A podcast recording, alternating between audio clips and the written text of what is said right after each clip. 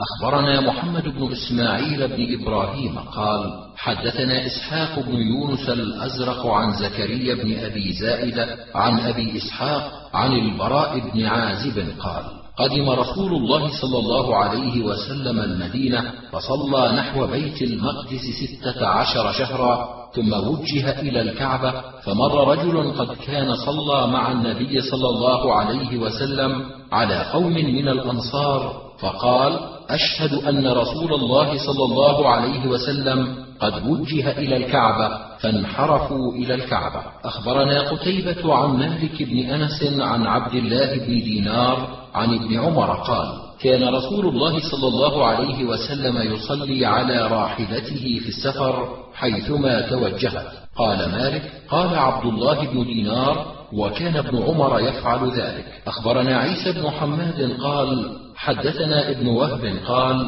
أخبرني يونس عن ابن شهاب عن سالم عن عبد الله قال كان رسول الله صلى الله عليه وسلم يصلي على الراحلة قبل أي وجه توجه به ويوتر عليها غير أنه لا يصلي عليها المكتوبة. أخبرنا قتيبة عن مالك عن عبد الله بن دينار عن ابن عمر قال بينما الناس بقباء في صلاة الصبح جاءهم آت فقال إن رسول الله صلى الله عليه وسلم قد أنزل عليه الليلة قرآن وقد أمر أن يستقبل القبلة فاستقبلوها وكانت وجوههم إلى الشام فاستداروا إلى الكعبة. أخبرنا العباس بن محمد الدوري قال حدثنا عبد الله بن يزيد قال حدثنا حيوة بن شريح عن أبي الأسود عن عروة عن عائشة رضي الله عنها قالت سئل رسول الله صلى الله عليه وسلم في غزوة تبوك عن سترة المصلي فقال مثل مؤخرة الرحم.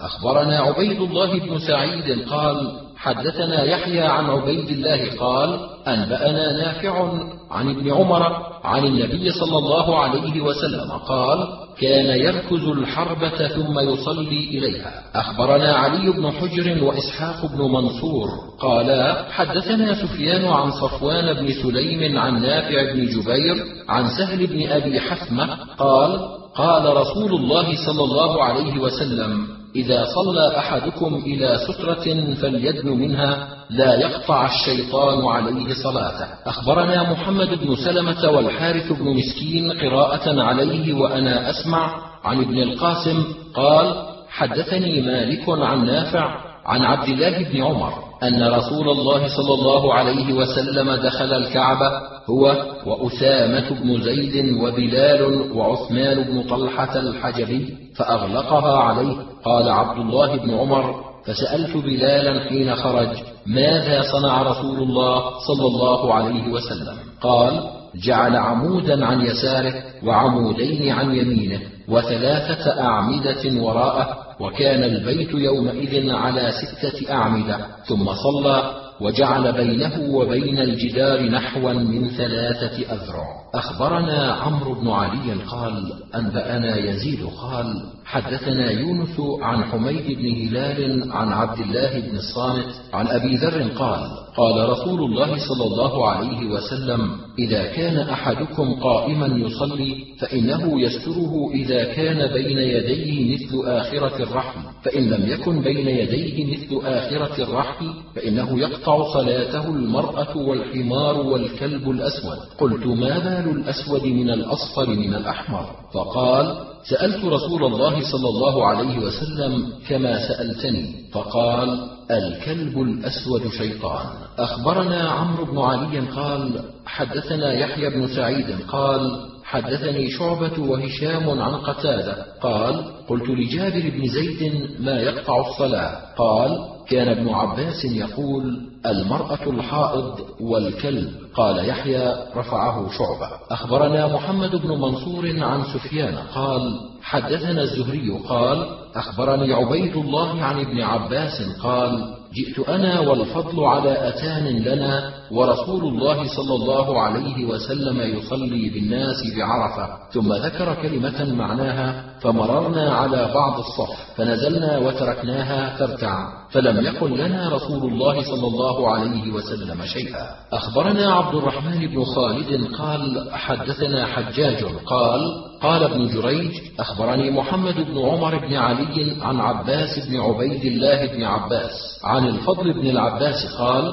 زار رسول الله صلى الله عليه وسلم عباسا في بادية لنا ولنا كليبة وحمارة ترعى فصلى النبي صلى الله عليه وسلم العصر وهما بين يديه فلم يزجرا ولم يؤخرا. أخبرنا أبو الأشعث قال حدثنا خالد قال حدثنا شعبة أن الحكم أخبره قال سمعت يحيى بن الجزار يحدث عن صهيب قال سمعت ابن عباس يحدث أنه مر بين يدي رسول الله صلى الله عليه وسلم هو وغلام من بني هاشم على حمار بين يدي رسول الله صلى الله عليه وسلم وهو يصلي فنزلوا ودخلوا معه فصلوا ولم ينصرف. فجاءت جاريتان تسعيان من بني عبد المطلب فأخذتا بركبتيه ففرع بينهما ولم ينصرف. أخبرنا إسماعيل بن مسعود قال حدثنا خالد قال حدثنا شعبة عن منصور عن إبراهيم عن الأسود عن عائشة رضي الله عنها قالت كنت بين يدي رسول الله صلى الله عليه وسلم وهو يصلي فإذا أردت أن أقوم كرهت أن أقوم فأمر بين يدي انسللت انسلالا. أخبرنا قتيبة عن مالك عن أبي النضر عن بسر بن سعيد أن زيد بن خالد أرسله إلى أبي جهيم يسأله ماذا سمع من رسول الله صلى الله عليه وسلم يقول في المار بين يدي المصلي. فقال أبو جهيم قال رسول الله صلى الله عليه وسلم لو يعلم المار بين يدي المصلي ماذا عليه لكان أن يقف أربعين خيرا له من أن يمر بين يديه. أخبرنا قتيبة عن مالك عن زيد بن أسلم عن عبد الرحمن بن أبي سعيد عن أبي سعيد أن رسول الله صلى الله عليه وسلم قال إذا كان أحدكم يصلي فلا يدع أحدا أن يمر بين يديه فإن أبى فليقاتله أخبرنا إسحاق بن إبراهيم قال أنبأنا عيسى بن يونس قال حدثنا عبد الملك بن عبد العزيز بن جريج عن كثير بن كثير عن أبيه عن جده قال رأيت رسول الله صلى الله عليه وسلم طاف بالبيت سبعا ثم صلى ركعتين بحذائه في حاشية المقام وليس بينه وبين الطواف أحد. أخبرنا عبيد الله بن سعيد قال حدثنا يحيى عن هشام قال حدثنا أبي عن عائشة قالت كان رسول الله صلى الله عليه وسلم يصلي من الليل وأنا راقدة معترضة بينه وبين القبلة على فراشه فإذا أراد أن يوتر أيقظني فأوترت أخبرنا علي بن حجر قال حدثنا الوليد عن ابن جابر عن بسر بن عبيد الله عن واثلة بن الأسقع عن أبي مرثد الغنوي قال قال رسول الله صلى الله عليه وسلم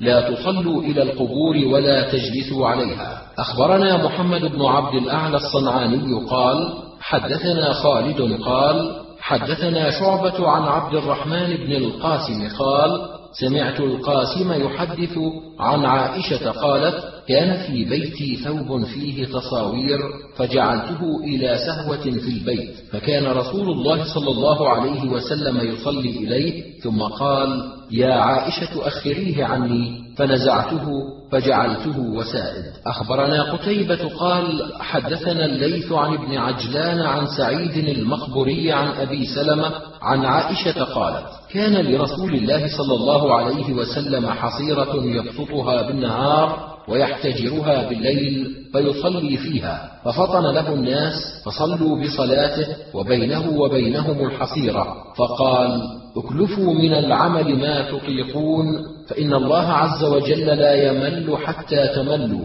وإن أحب الأعمال إلى الله عز وجل أدومه وإن قل ثم ترك مصلاه ذلك فما عاد له حتى قبضه الله عز وجل وكان إذا عمل عملا أثبته. أخبرنا قتيبة بن سعيد عن مالك عن ابن شهاب عن سعيد بن المسيب عن أبي هريرة أن سائلا سأل رسول الله صلى الله عليه وسلم عن الصلاة في الثوب الواحد فقال أولكلكم ثوبان؟ أخبرنا قتيبة عن مالك عن هشام بن عروة عن أبيه عن عمر بن أبي سلمة أنه رأى رسول الله صلى الله عليه وسلم يصلي في ثوب واحد في بيت أم سلمة واضعا طرفيه على عاتقيه. أخبرنا قتيبة قال حدثنا العطاف عن موسى بن إبراهيم عن سلمة بن الأكوع قال قلت يا رسول الله إني لأكون في الصيد وليس علي إلا القميص أفأصلي فيه؟ قال وزره عليك ولو بشوكة.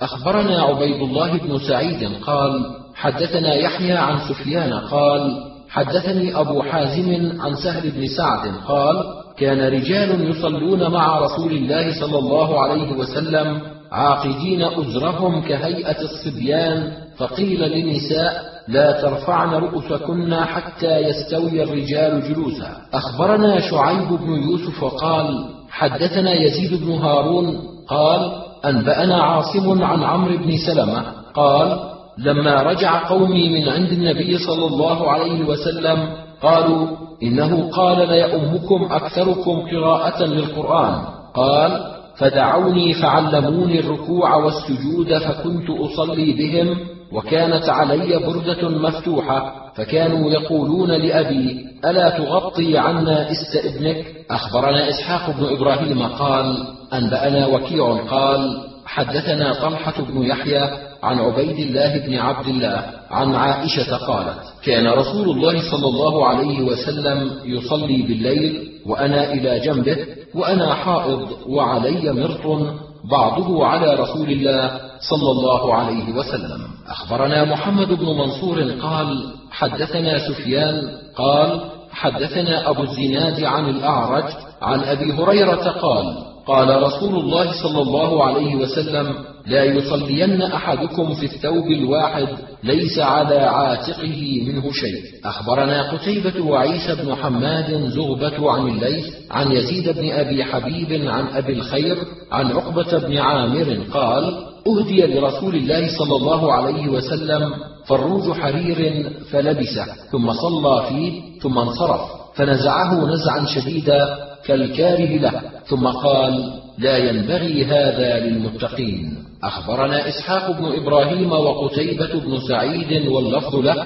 عن سفيان عن الزهري عن عروة بن الزبير عن عائشة أن رسول الله صلى الله عليه وسلم صلى في خميصة لها أعلام ثم قال شغلتني أعلام هذه اذهبوا بها إلى أبي جهم وأتوني بأنبجانية. أخبرنا محمد بن بشار قال حدثنا عبد الرحمن قال حدثنا سفيان عن عون بن أبي جحيفة عن أبيه أن رسول الله صلى الله عليه وسلم خرج في حلة حمراء فركز عنزة فصلى إليها يمر من ورائها الكلب والمرأة والحمار. أخبرنا عمرو بن منصور قال حدثنا هشام بن عبد الملك قال حدثنا يحيى بن سعيد قال حدثنا جابر بن صبح قال سمعت فلاس بن عمرو يقول سمعت عائشة تقول كنت أنا ورسول الله صلى الله عليه وسلم أبو القاسم في الشعار الواحد وأنا حائض طامث فإن أصابه مني شيء غسل ما أصابه لم يعده إلى غيره وصلى فيه ثم يعود معي فإن أصابه مني شيء فعل مثل ذلك لم يعده إلى غيره. أخبرنا محمد بن عبد الأعلى قال حدثنا خالد قال حدثنا شعبة عن سليمان عن إبراهيم عن همام قال رأيت جريرا